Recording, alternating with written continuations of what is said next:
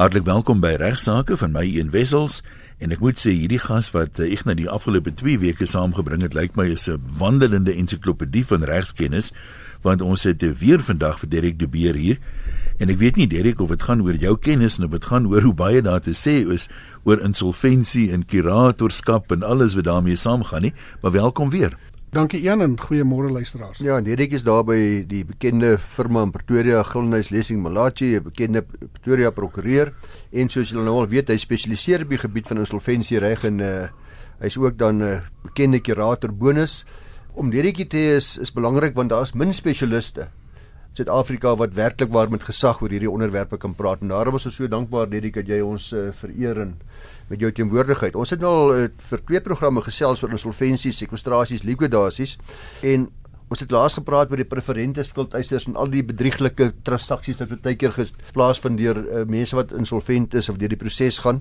Maar dan gebeur dit dikwels dat daar baie min geld oor is nadat al die preferente skuldeisers en die voorkeur skuldeisers betaal is. Dat daar selfs 'n gevaar is dat ons ouens wat nou aan die agterspeen suig, die gewone konkurrente skuldeisers die gewone skuldeisertjies jy skuld my R100 of R10000 het ons baie keer moet inbetaal. Ja, hoe hoe werk dit? 'n Kontribusie moet gehê word. Ja, wel nou, jy weet, daar's administrasiekoste wat betaal moet word in 'n uh, in, in enige boedel. Ek gaan nou sommer net 'n paar noem. Jy het byvoorbeeld wagte wat jy moet hê by 'n plek om bates te beveilig voordat die veiling plaasvind. Daar's versekerings wat jy moet goed onder versekerings hou en dan natuurlik die belangrikste die die kurator moet natuurlik uh, betaal word. En dit kom dan natuurlik nou alles uit die uit die sogenaamde vrye oorskot. Dit nou, sal nou vir jou die belangrikste wees, ja. Die kurator het betaal moet word. ja, ja. Maar nou nou is daar nie. Ja, en natuurlik ja. nou nou nou iemand iemand moet daarvoor betaal en dan gaan daar gekyk word na jou sogenaamde konkurrente skuldeisers om om om dit te betaal. Ons het laasweek het ons stil gestaan by by jou ehm um, versekerde skuldeisers. Hulle hmm. betaal ook hulle deel, maar dit is word gekoppel aan hulle betrokke bate. Maar jou deursnee ander koste moet moet betaal word uit die konkurrente pool. En dan het dit al baie keer gebeur dat ek sit nou met 'n eis vir R40000 en ek het nou regtig gehoop ek gaan nou my geld kry en dan word ek vertel maar hier's 'n kontribusie gehef. Ek kry ja. niks. Ek kry niks nie, maar ek moet uh, R5000 inbetaal. So die boodskap hoe, is hoe reageer mense daarop? Ja. Ek kan my inding het ouens maar warm onder die kraag raak. Geweldig. Geweldig. Vir mense hulle weet hulle altyd gevra maar as ek dit geweet het sou ek nooit 'n eis ingestel het nie. Nou jy weet ek dink 'n mens moet behoorlik net gaan gaan advies kry by jou uh, prokureur as voordat jy sommer net uh, en wat net is daai advies? Wat is daai advies wat Wel ek sal eers wees om te sê onthou die die die verpligting van 'n uh, van 'n kurator ek bly nou maar by kurator is natuurlik om die skuldeisers op hoogte te hou. So jy kan registreer om net eers kennis. Ek sê gaan nog nie eis indien nie, maar ek is 'n potensiële skuld. Hy sê stuur vir my net jou verslag goed. En dan kyk baie keer baie vinnig na jou na jou eerste verslag. Hier's 'n gevaar van kontribusie. Trouwens Die verslae se baie keer sê, ek dink hier's 'n gevaar vir kontribusie. Dan sê jy sê maar wag nee, moet moenie moenie eers dink aan aan om 'n eis in te stel nie. Ja, jy maak my nou bang want drie lugrederye skuld my geld nadat hulle ondergegaan het nadat ek 'n kaartjie gekoop het maar voor ek kon vlieg. So ek wil liewerster nie daaroor te, ja. te veel praat nie. Derek het oorsigtelik geraak uh, in 'n vorige program oor die diskwalifikasies wat 'n insolvente beurtval as gevolg van sy sekwestrasie. Net so 'n bietjie weer net vir ons luisteraars sê wat uh, wat gebeur met my as ek insolvent is? Wat kan ek en wat kan ek nie? Wat mag ek en wat mag ek nie? Nou wel daarsoms 90 bepalinge en wette wat wat 'n insolvent diskwalifiseer van lidmaatskap op statutêre rade, komitees, beheerliggame van skole, kommissies. 'n Ongerehabiliteerde insolvent word ook dikwels gekwalifiseer uh, gediskwalifiseer op die pos van 'n direkteur in 'n maatskappy of ander regspersone te hou. Uh, hy kan verwyder word van 'n vertrouensposisie soos 'n kurator of 'n likwidateur of eksekuteur. Hy kan in sommige gevalle belet word om te praktiseer in bepaalde professies. Ja, kyk en 'n prokureur mag nie kwali mag nie praktiseer vir eie rekening. Eie rekening. Ja. ja, jy kan nie jy kan nie jy kan nie dit met jy kan werk vir iemand, maar Ja. Advokaat mag wel, maar hy het nie 'n trust rekening nie. Hy mag wel as 'n insolvent is aangaan as advokaat. Ja. Ja, ja, en dat daar is dat, nee, jy is reg. En dan 'n interessante enetjie, indien jy uh, insolvent verklaar word, kwalifiseer jy nie vir 'n dranklisensie nie. Oeps, daisy. en 'n gewone algemene handelaar kan jy handel dryf sonder die toestemming van jou kurator. Jy nee, jy sal jy het sy toestemming nodig, o, okay. maar jy kan handel dryf maar met sy maar, maar met sy sy toestemming. En dan mag jy natuurlik, ek dink die belangrikste, jy kan nie 'n kontrak gaan sluit wat jou boedel nadele gaan gaan affekteer sonder die toestemming van jou kurator. En mag jy enige skuld aangaan. Jy wil nou 'n nuwe karretjie koop, nee, alles verloor. Nee, nee, ek sal dit nie kan ek sal dit nie kan doen sonder die toestemming van jou van jou sal jy maklik toestemming kry by die kurator? Dit hang natuurlik af. Nou eh, onthou een ding, ons ons sal seker seker jou jou volgende vraag dalk aan my gaan wees nou, maar hoekom het ek dan nou onder, jy weet onder insolventie gaan? Wat nou Ek meen môre die son ook weer opgekom nadat ja. ek ge, ge, nadat ek gesê posteer is. Hmm. Jy kry 'n werk. Nou daai besoldiging wat jy daar kry. Ja. Die die is vir jou. Tensy daar die kurator bevind jy kry eintlik so groot salaris ek kan 'n porsie daarvan is voorsiening daarvoor dat jy porsie daarvan kan gebruik. Maar jou besoldiging na sekbestrade is is is jou eie. Jou jou pensioen en anniteite wat jy gehad het. Ja. Dit bly joune. Die versekeringswet het verskeie gedetailleerde uh, ingewikkelde vrystellings en en bepalinge. En dan is 'n as 'n as 'n ou jou nou belaster het of jy het 'n persoonlik of jy het seer gekry in 'n in 'n in 'n motorbotsing en daai eis word nou sê maar deur die pad ongelukkige fonds jou uitbetaal. Dis joune. Die kurator kan nie daarop beslag lê nie. Ehm um, so so uh, daar is dan sekere goed na sekwestrasie wat dan eintlik eintlik uh, joune bly. Ek wil net 'n oomblik terug gaan jy nou ja. sê jy kan sekere goed uh, doen skuld aangaan met die toestemming van die kurator, maar ek dink prakties die meeste banke mense wat kyk tog in jou kredietrekord sal baie baie lanktand vir jou uh, krediet gee of al is dit nou 'n kredietkaart met 'n lae limiet al sê die kurator ja dink ek jy gaan sukkel om te kwalifiseer daarvoor verseker verseker ons gaan dink ons gaan later gaan ons gaan ons seker by rehabilitasies inkom maar daai stigma kleef. Hmm. Ek het al gevalle wat ouens al gerehabiliteer is. Dan moet jy wet sê mens ek is nou deur ek het my pak gevat maar dat 'n bank nog steeds sê daar's 'n vraag was jy al voorheen gesekweesteer? Nou antwoord jy ja. Maar ek is gerehabiliteer dan sê die bank nee wat ek wil eintlik nie met jou. Dis verkeerd. Uit.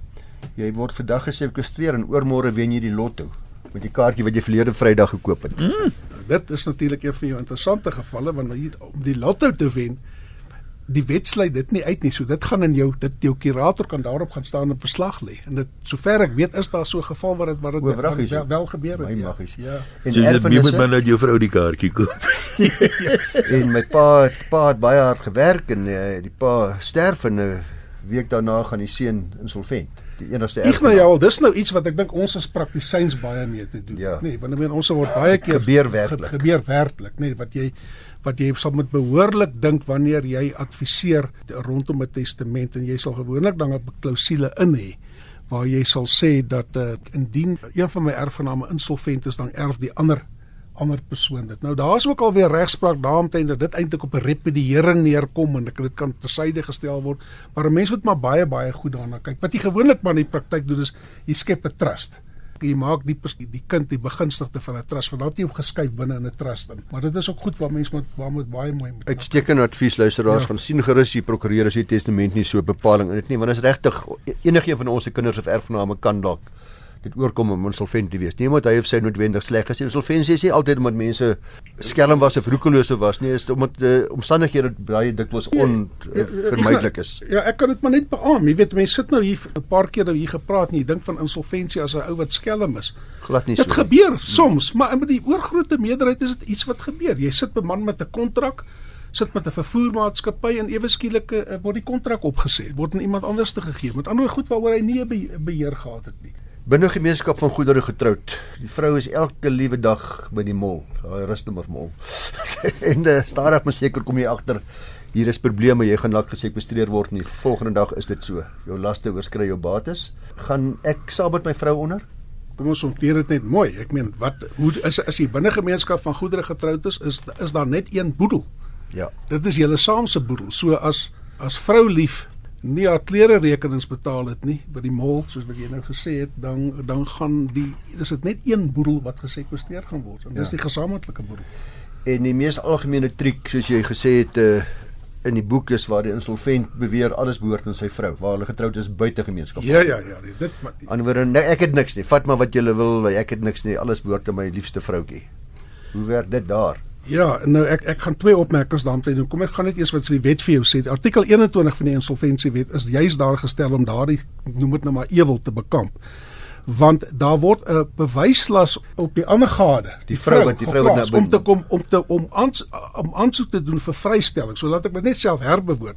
Artikel 21 sê maak nie saak of jy binne of jy buite gemeenskap van goedere getroud is nie, da, haar haar gedeelte val ook uh, onder die beheer van die kurator. Jy moet kom aansoek doen vir Hmm. vrystelling. Ja. En Ignas, dit is wat ek dink jy ook al al seker in jou loopbaan gesien het. Ek kan dit soms nie verstaan nie dat mense doen al die moeite om 'n huweliksvoorwaarde kontrak te kom sluit. Nou die effek daarvan is myne, my bates is myne en joune is jou joune. Maar hulle hou net nooit boek nie. Of hulle Nou, nou, klop jy- alles in een party se naam oor. Dit is ja, ook ja net so in nou, aard. nou kom die kurator eendag en die vrou sê maar weet jy wat daai sitkamer stel is eintlik myne hy sê maar wys dit vir my. Sy het nie 'n strokie nie. Jy weet so ek wil maar net vir mense sê Ja. as jy ooit buite gemeenskap van goedere uh, hou net iewers 'n lertjie en sit net daardie daardie faktuur Hmm. en die bewys van betaling iewers dit van dit kan jou regtig op die einde van die dag baie help. Terwyl ons sprekerig is uh, en Hmm. waarskuwings gee, kan ek net sommer na die geval verwys ook wat oor en oor gebeur. Mense vat hulle pensioengeld en nou koop hulle 'n nuwe besigheid. O, is vol sterre en alles is mooi netjies reg, maar hulle het nie rekening gehou met artikel 34. Jy moet Ja. 'n bietjie vir hulle verduidelik wat daai artikel sê. Ja, ja, kom ons vat nou 'n Dis nou voorbeeld. artikel 34 van die insolventiewet. Kom ons vat nou 'n voorbeeld. Hier's nou 'n 'n- 'n man wat nou lank gewerk het en nou wil hy gaan aftree. Kom ons sê maar by Magate. Nou wil hy hom nou self daar besig hou en daar koop hy vir 'n vis en skyfie besigheid. Die volgende dag gaan hy sommer aan. Nou artikel 34 van die insolventiewet sê dat die ou dat die persoon wat verkoop moet 'n advertensie plaas in die staatskoerant en in en in, en in 'n Afrikaanse en Engelse koerant in die omloop wat hy sê ek ek verkoop my besigheid. Nou die effek van daardie advertensie is dat alle skulde van daardie besigheid is dan onmiddellik opeisbaar en betaalbaar.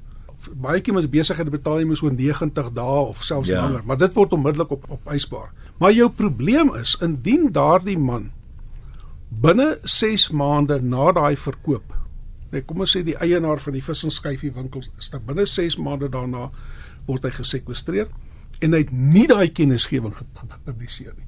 Dan is daai transaksie nietig. Dan het jou afgetredene wat nou gaan aftree het onder by Magate en vir hom 'n vis en skyfie winkel gekoop, sit met 'n met 'n nietige kontrak. Alles terug. En weet jy wat Ignas dit gebeur ongelukkig? Ja, dit gebeur beslis.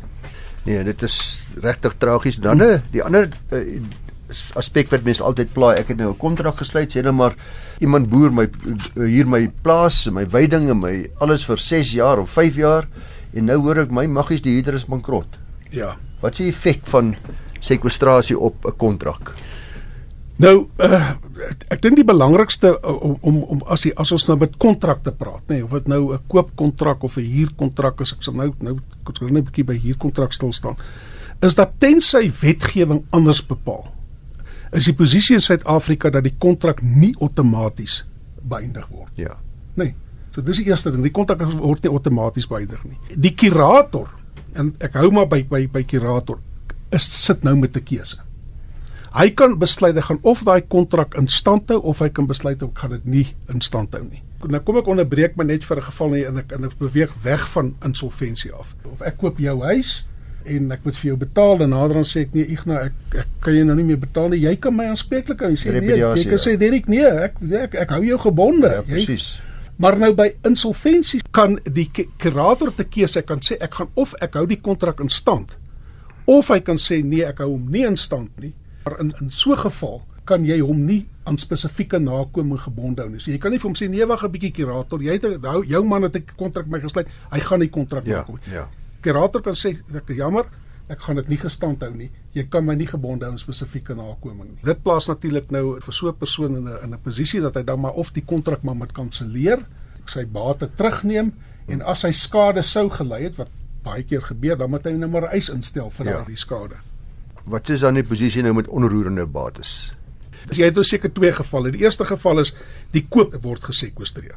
Ek het jou huis gekoop en ek word nou gesekwestreer. Nou dan kan Ignas dan is artikel 35 kom na hom toe en hy kan sê jy gaan na die kurator kom en jy gaan hom sê oefen jou keuse uit. Gaan jy my huis koop ja of nee? As die kurator vir jou sê ek gaan aan daarmee, dan goed, dan natuurlik gaan die kontrak voort, maar anders sal jy dan die reg hê om daai om dit te kanselleer en te sê ek gaan nou my huis aan iemand anders. Die omgekeerde is as die verkoper ek koop nou die eiendom by iemand anders en daai verkoper word uh, gesekwestreer dan maak die uh, insolventiewet nie daarvoor voorsiening nie en dan soos wat ons nou van gepraat het die kurator te keuse. Hy gaan of sê ek, ek gaan aan met die kontrak, ek is tevrede daarmee of hy gaan sê nee, wag 'n bietjie, hierdie huis is te min aan jou verkoop. Ek gaan hom eerder op 'n veiling sit en 'n hoër prys behaal. Kom ons kyk 'n bietjie na skuldvergelyking ook. Uh wat dikwels plaasvind, uh, ek skuld 100 000 rand aan eie pa of die oom of en hulle kom ooreen dat hy nie 100 000 rand gaan betaal nie, maar liewer so voorraad kry daarvoor. Ja. En nou is daar 'n insolventie. Ja, daar is dit artikel 46 van die wet wat van toepassing is. En in 'n netedop sê artikel 46 dat indien die sekwestrasie 6 maande voor die koop of die lewering plaasgevind het, die kurator die skuldvergelyking kan ignoreer uh, indien dit nie in die gewone loop van sake plaasgevind is nie. En in so 'n geval sal dan die ander persoon dan die 100 000 rand wat hy by bewyse van skuldvergelyking wou afgesit het maar ma moet betaal. Hierdie kom ons praat in slot 'n bietjie oor rehabilitasie want ons het nou gepraat oor hoe nadelig dit is en wat alles kan gebeur en waarvoor mense moet oppas en al die slaggate mm. en al die beperkings op die arme persoon wat geïnsolvent is, maar voor nie water en brand daar altyd 'n lig hier nie. Daar's 'n moontlikheid ja. van rehabilitasie, ja, ja. verskillende moontlikhede. Ja. Wel, jy kan iets aktief doen of jy kan iets passief wees. Nou passief is jy doen niks. Dan wag jy vir 10 jaar en na 10 jaar is jy outomaties gerehabiliteer as jy aktief wil optree is daar is daar nou verskillende paar tyd tydperke. Uh, die eerste een is uh natuurlik nou afhang of jy al reeds voorheen gesekwesteer is. En ek dink ons in die heel eerste program vir mekaar gesê ons weet al van mense wat al 3, 4 keer gesekwesteer is. Dis ongelukkig waar. Uh, maar maar so dit hang natuurlik af of jy al voorheen gesekwesteer is. Indien jy nie voorheen gesekwesteer gewees het nie, dan kan jy 12 maande na bekragtiging van die likwidasie en distribusie rekening aansoek by die hof vir rehabilitasie en jy sal moet ook bewys jy het geen oortredings in terme van die insolventiewet gedoen nie. So dis jou dis jou eerste tydperk. As maar, jy, maar dis dis is so maklik nie. Jy sal ook moet bewys jy het waarskynlik baie min skade aangerig aan skuldeisers. O, beslis. Dat jy die meeste eise betaal het en so voort. Nee, verseker van daar daar's daar's 'n hele prosedure. Ja. Jy jy jy sal moet aansoek doen by die kurator en die meester moet ook natuurlik sê ek is tevrede dat hierdie man hmm. gerehabiliteer kan word. Ja. En so voort. Indien jy nou voorheen gesekwesteer is, dan moet jy eers wag, dan se 3 jaar na bekragting. So daar's sekere tydperke, Ignas, ja. waarop waarop waarop neerkom en ek dink nie ons het nou seker al die tyd om om daarna te gaan nie, maar daar's daar's tydperke wat wat geld met met rehabilitasie. Wat is die effekte van van rehabilitasie? Jy het nou nog gesê die die lig wat weer voorbrand dit is inderdaad so die die die effek van van rehabilitasie is dat die sekwestrasie tot 'n einde gekom het uh, dat alle skulde wat voor sekwestrasie bestaan het word as uh, gedelg beskou. Uh, in Engels staan dit bekend as 'n discharge tensy daar 'n uh, bedrog ja. plaasgevind het.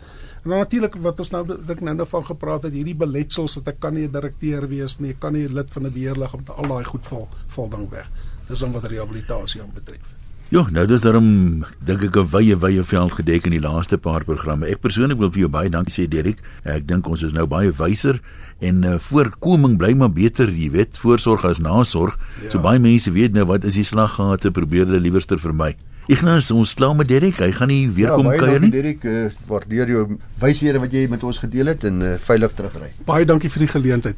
Ignas, ek moet sê nou as dele van die reg wat vir my moeiliker klink of meer tegnies is as ander en die insolventie wetgewing lyk my daar's 'n artikel vir elke ding. Dis nie elke prokureur wat daarin spesialiseer nie. So mens moet afval vir 'n ou soos eh, Derek de Beer wat nou by ons gekuier het die laaste 2-3 weke. Ek magdom van kennis en jy kan ja. sommer hoor dis 'n ervare man wat sy storie ken. Nee, absoluut, soos ek gesê het, dit is 'n spesialisgebied en uh, ek leer ook wanneer ek uh, sulke gaste soos Dirk het leer ek ook 'n hele klomp dinge wat nuut is. Miskien moet ons net kontak besonderhede van hom gee vir luisteraars ja, wat dalk op die gebied van insolventie dan nou of kuratorskap vra het. 100% sy e-posadres is klein lettertjies ddbeer by g m i n c g m vir Marie i en n vir Nico en c so gm inc skildernis malati ingelyf uh, gminc.co.za toe ddbeer by gminc.co.za. Daar sien ek hier sommer direk vir Derek skryf. Ons het nou redelik uh, lank gepraat die eerste deel net om af te handel in Derek se kuier. So 'n kort onderwerpie om vandag se program mee af te sluit. Ja, miskien 'n paar briefies wat ons gekry het. Uh, eerstens kry ek 'n briefie sê sê jy moet asseblief anoniem behandel. Ek skuld die banke bedrag geld en sukkel om die paemente by te bring en die proses moet ook baie van ons besittings verkoop om die bank tevrede te hou. My seun wat in die buiteland woon en aangebied dat ons nou in sy huis kan woon en na sy eiendom moet kyk. Ongeveer 80% van die meubels behoort aan hom. My vraag is Indien ek dan nie verder kan betaal nie en die balie moet ons weer besoek en hy kom met 'n vragmotor om alles wat by erf is op te laai, hoe gaan ek hom oortuig dat feitelik alles aan my seun behoort en nie aan my nie? Of mag hy maar alles vat? Nou die posisie is dat u moet aan die balie bewys dat dit wat in u op die eiendom is aan u seun behoort en dan natuurlik sal hy nie daarop beslag lê nie. Nou uh die bewyslas is op u om dit te bewys dis gewoonlik by wyse van fakture wat hy vir u moet gee, kwitansies, aankoopbewyse ensovoorts wat dikwels mense nie het nie. Kyk net maar sommer in die meubeltjies wat ek het, ek het 'n ou te sitkamerstel wat jy twee trekke vroeër ja. gekoop het. Ek het nie meer papiere vir hom nie. Maar dikwels uh, omdat dit te maklik is om te beweer, dit ja. is net nie myne nie. So net 'n beëerde verklaring en sê ek verklaar hiermee. Die skuldeiser kom gewoonlik in liewer die skuldenaar en sê hoor hierdie goed behoort dan soos ek sê aan my vrou buite gemeenskap van goed getroud of van my seun of wat ek nogal. En uh, prokureurs en skuldeisers aanvaar dit nie sommer voor die voet nie en dan dring hulle aan op behoorlike bewyse, die balie dring aan op behoorlike bewyse by gebreke waarvan daar dan op die goed beslag gelê word. Anderswoorde jy kan niks my bewys nie, dan lê ek op die goed beslag op instruksies van die skuldeiser en nou moet die seun die eers verklaring maak wat dan by die balie ingedien word wat hy sê hierdie is daai dag gekoop, presies gekoop en so gekoop, maar baie keer dikwels ongelukkig een is hierdie goed nog steeds bedrieglik hoor.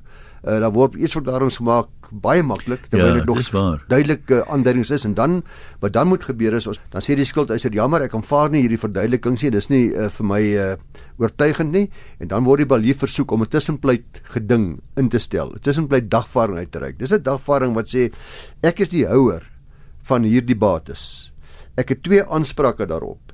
Een van die skuldeiser en een van die seun van die skuldenaar. En nou kry ek 'n hofdatum, albei partye kry nou die die dagvaarding en dan word 'n hofdatum gegee en dan kom die partye voor 'n landros en hulle argumenteer en hulle gee hulle getuienis en die landros sal dan op oorwig van waarskynlikhede besluit of hierdie goedere dan vrygestel gaan word en of dit inderdaad dan verkoop kan word. Ek neem aan as mense nou kyk waar die dame woon, dis maklik om te bewys hierdie is my huis, ek huur dit of is op my naam geregistreer. Jy woon nou daar. Dit voel vir my dit moet om sterker tel as wanneer jy op jou eie plek bly waar jy nou al 4, 5 jaar bly. Ja, elke geval gaan op sy eie meriete beoordeel word. In hierdie geval klink vir my maklik. Die seun is in die buiteland. Dis sy huis Hulle pas die huis vir hom op. Maklike bewys dat ons hierdie huis in my naam geregistreer. Dis wat gebeur het met my ouers. Dis hoe hulle, hulle al hulle bates reeds verloor het. Hier's die vorige beslagleggings. Mm, mm. Hier's die vorige goed wat verkoop is. So hulle het niks weer nuut aangekoop nie. Ek dink in hierdie geval is dit waarskynlik vir die dame redelik maklik om die hof te gaan oortuig of die balie te oortuig of die skuldeiser te oortuig dat daardie goedere nie aan haar behoort nie maar aan haar seun. Maar as mens nou kyk na die tydstip, dit sal jy sal eers die geleentheid kry by hierdie tussenpleitse geding wat jy van praat. Korrek, ja. Dit help nie jy sê dit direk vir die balie nie, jy het die diskresie om te sê haar nee, kind vir my billik. Die balie gaan dit net so oordra aan die skuldeiser en die skuldeiser gaan dan bepaal of hy hierdie storie koop om dit nou ja. so te stel. okay. Of hy of hy tevrede is met daardie verduideliking. Die balie sal normaalweg in 99 die 100 gevalle sal hy die verduideliking aanvaar want daar's gewoonlik 'n redelike mate van bewys daarvan. Maar weer eens is dit belangrik maar om uh, wanneer daar goedere op u perseel is wat nie aan u behoort nie, om 'n vorm van bewysmateriaal te vra van wie ook nogal die goedere daar op u perseel stoor. Dit is ook vir huurpersele baie belangrik want in gevolg van die outomaties huur in te dik, is die verhuurder geregtig om aan te neem dat alles wat op daai perseel is aan die huurder behoort van daardie perseel want dan word dan 'n outomatiese huurinterdikte op daardie goedere gevestig by betekening van dagvaarding. En dan lê die bewyslas daarna op die persoon wat kom beweer. En dis 'n baie moeilike bewyslas want die wet sê spesifiek jy moet as jy weet dat daardie perseel verhuur word dan moet jy aan die verhuurder kennis gee hoe my kar word daar gestoor of my meubels word daar gestoor of wat ek nog al dit mag wees soos yskaste van Coca-Cola. Hulle sal aan al die verhuurders van persele sal hulle kennis gee. My yskaste is daar of uh, al ons mm, apparatuur is daar, ons koelkaste uh, waar die waar die vleis hang is behoort aan ons en nie aan die aan die huurder nie. Op daai manier beskerm jy jouself teen die hipoteek van die verhuurder ook. Dit klink vir my 'n goeie praktiese raad as 'n mens enige iets van redelike waarde koop, televisiestelle, daai tipe van ding, om tog maar die kwitansie vir die betaling op die faktuur te hou jy weet nooit. Daai ding is 'n bate vir 5 jaar, 10 jaar. Mense kan nie in die toekoms sien nie. Nee, dit is nie so moeilik om 'n leer nee, te hou met die goed nie. Uitstekende raad. Ons het nou nou ook het by Derek de Beer gehoor by insolventies. Is dit net so groot probleem wanneer mense getroud is buite gemeenskap van goedere te bewys en watter een van die twee partye die goedere dan nou behoort. Nou moet die die nie insolvent moet dan vir die hof kom aantoon vir die kurator liewerste dat hierdie goed behoort aan my en daarom hou maar asseblief daai fakture en maak seker dat jy dit aankoop in die naam van die persoon wie veronderstel is om die eienaar of eienares daarvan te wees. Ek nou ek dink dis alwaar vir ons gaan tyd hê vandag. Sê vir jou baie dankie. Ons praat volgende maandag weer. Groetnisse aan almal.